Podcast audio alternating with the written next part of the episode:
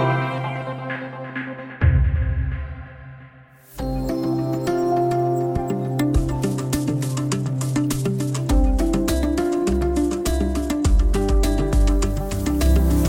Mycket välkomna till Studio DN som på torsdagar handlar om USA.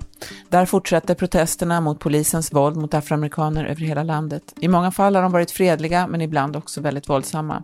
I Washington har avspärrningarna runt Vita huset förstärkts och polisnärvaron är mycket hög.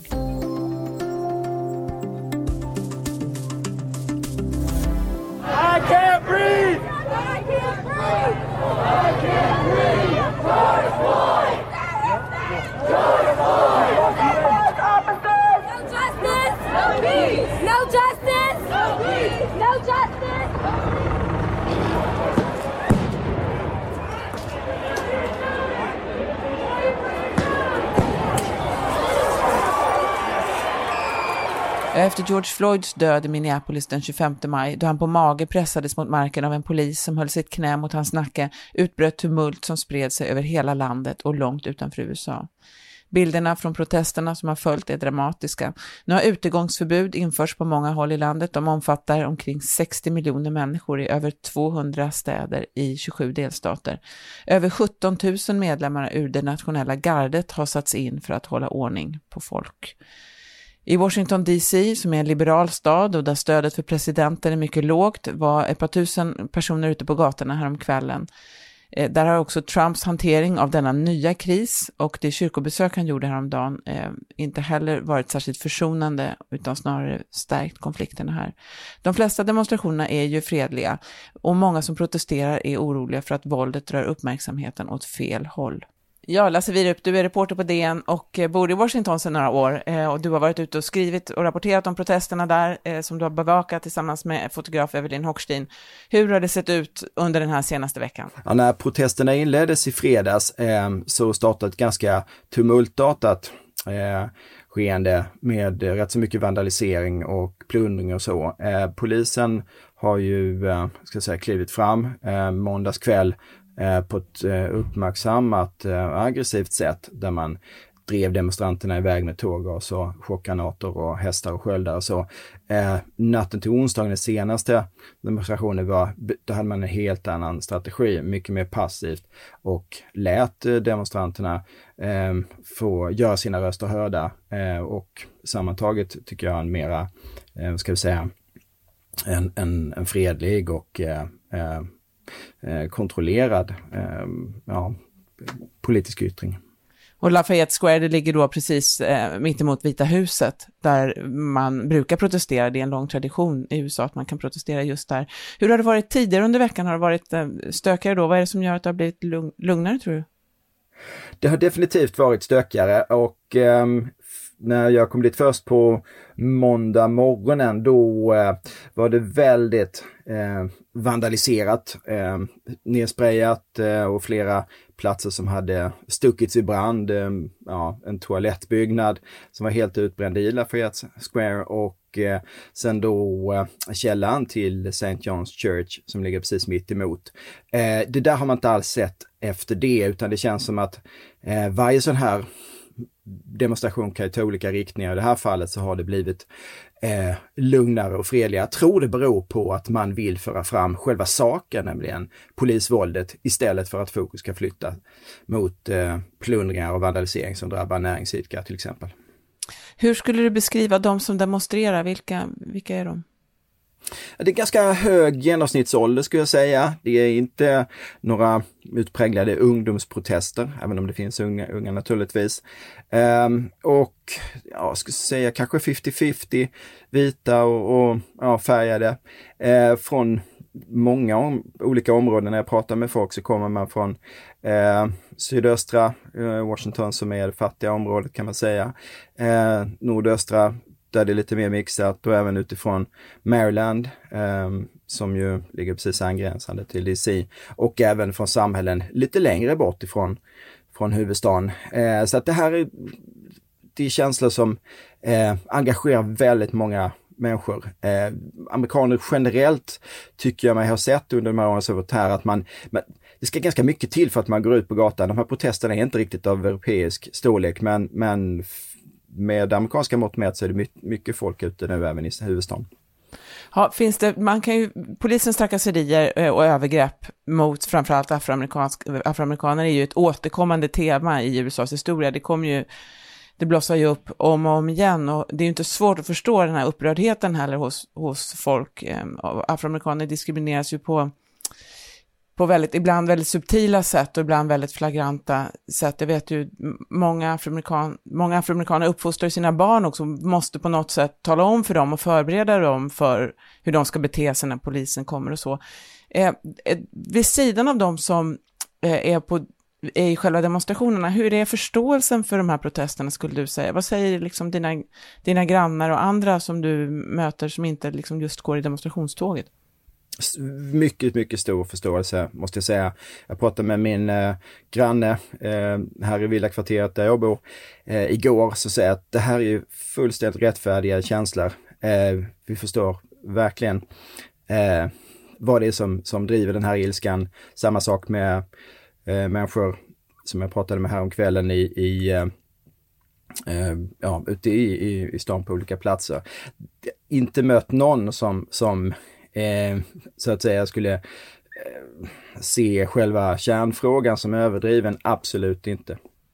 Då är ju du i Washington, hur skulle du beskriva Washington då som, eh, som plats? Hur representativt är det skulle du säga? Det är ju inte särskilt representativt för landet som helhet, mer representativt kanske för eh, storstadsområdena längs kusterna, mer i så fall. Men eh, och det är klart att det är eh, väldigt många inflyttade eh, från, jag ska säga, liberala områden i landet, så är det ju definitivt. Eh, men jag tycker ändå mig kunna se på håll att man eh, även i kanske mer konservativa delar av landet definitivt sympatiserar med, med, med sakfrågan. Mm. Eh, det är ju ingen riktigt som vet vad som kommer att ske efter det här och om det kommer att komma ut vad som kommer att hända. Eh, och så här sa en person som ni talade med om någonting bra eventuellt kan komma ut. Han heter Reggie Covington. My hope is that people will become more aware of uh, being kinder to each other, will be more aware of health services in the United States and across the world. That that's a that's a human issue. Just be kinder to each other. You know, uh, accept each other's differences. Ja, han verkar ju väldigt försonande här och, och pekar också på den sociala dimensionen här. Vad, vad är det han säger? Nej, men han uttrycker ju den känsla som, som många har att eh, man vill på något sätt komma tillbaka till eh, det som ändå förenar landet i mångas ögon, nämligen att man över ska säga, uppfattningsgränserna ändå har en gemensam amerikansk identitet eh, och att man står för, för samma kärnvärden så att säga. Eh, och det tycker jag det är genomgående i det här att eh, det finns en längtan efter att landet ska ta ett steg i konstruktiv riktning till det man egentligen menar är den ursprungliga amerikanska själen. Vi ska strax eh, tala mer om polisen i USA.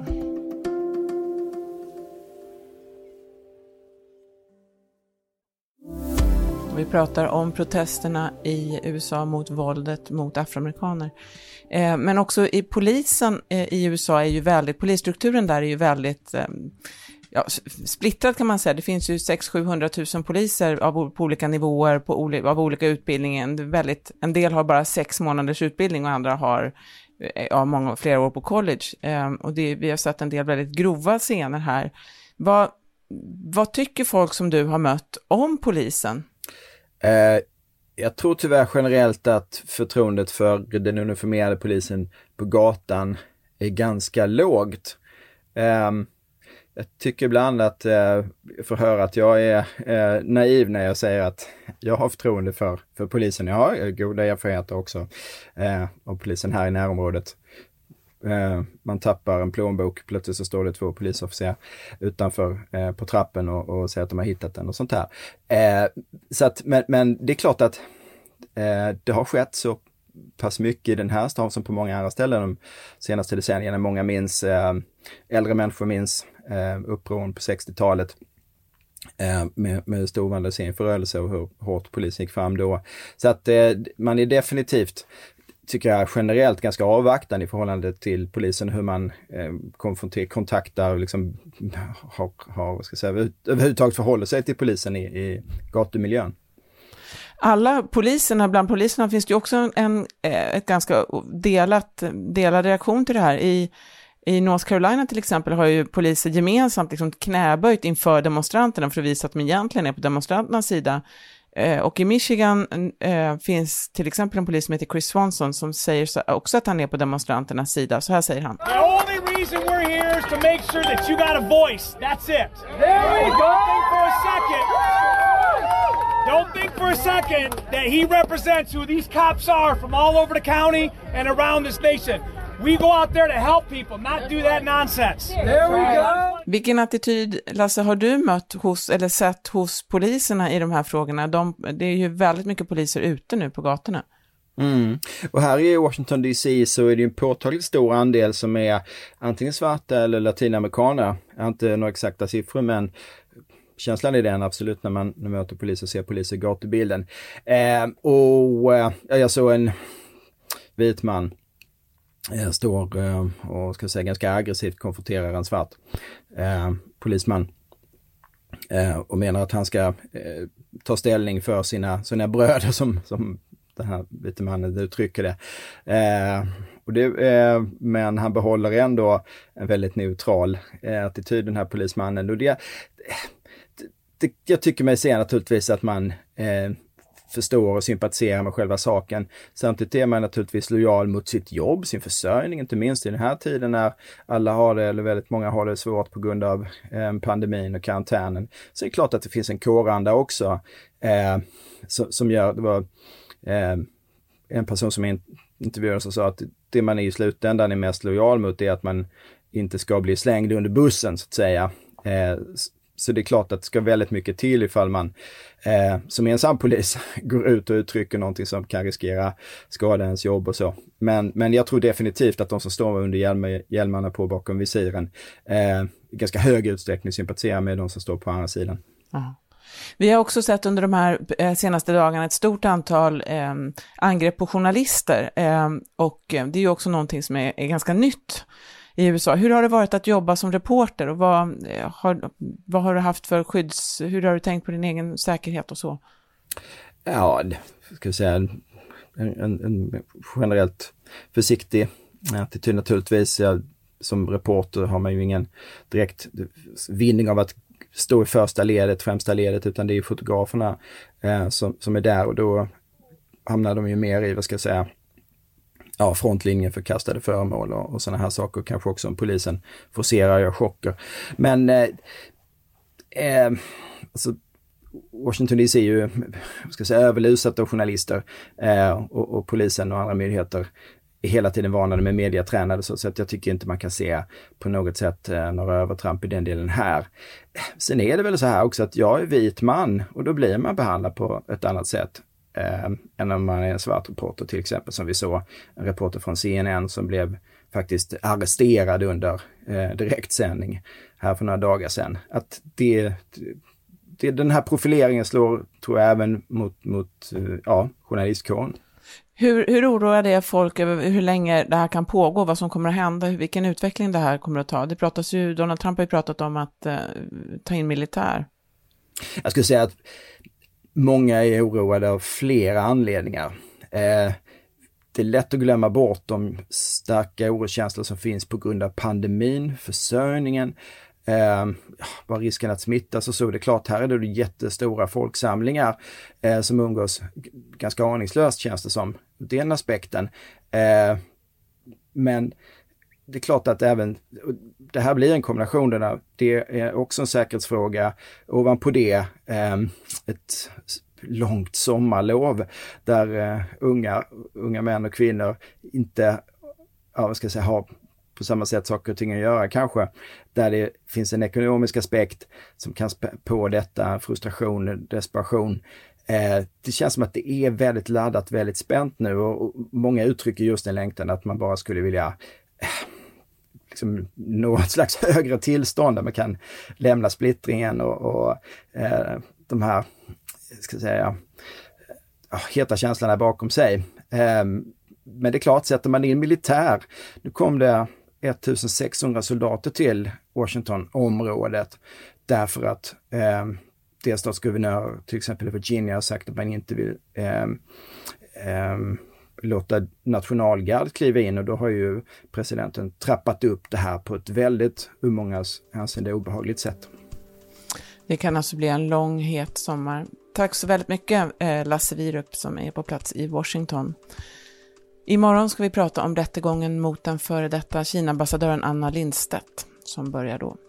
För ljudillustrationerna stod Evelyn Hochstein och AP. Studio DN görs av producent Sabina Marmelakai, exekutiv producent Augustin Erba, ljudtekniker Patrik Miesenberger och teknik Oliver Bergman på Bauer Media. Jag heter Sanna Thorén Björling. Vi hörs.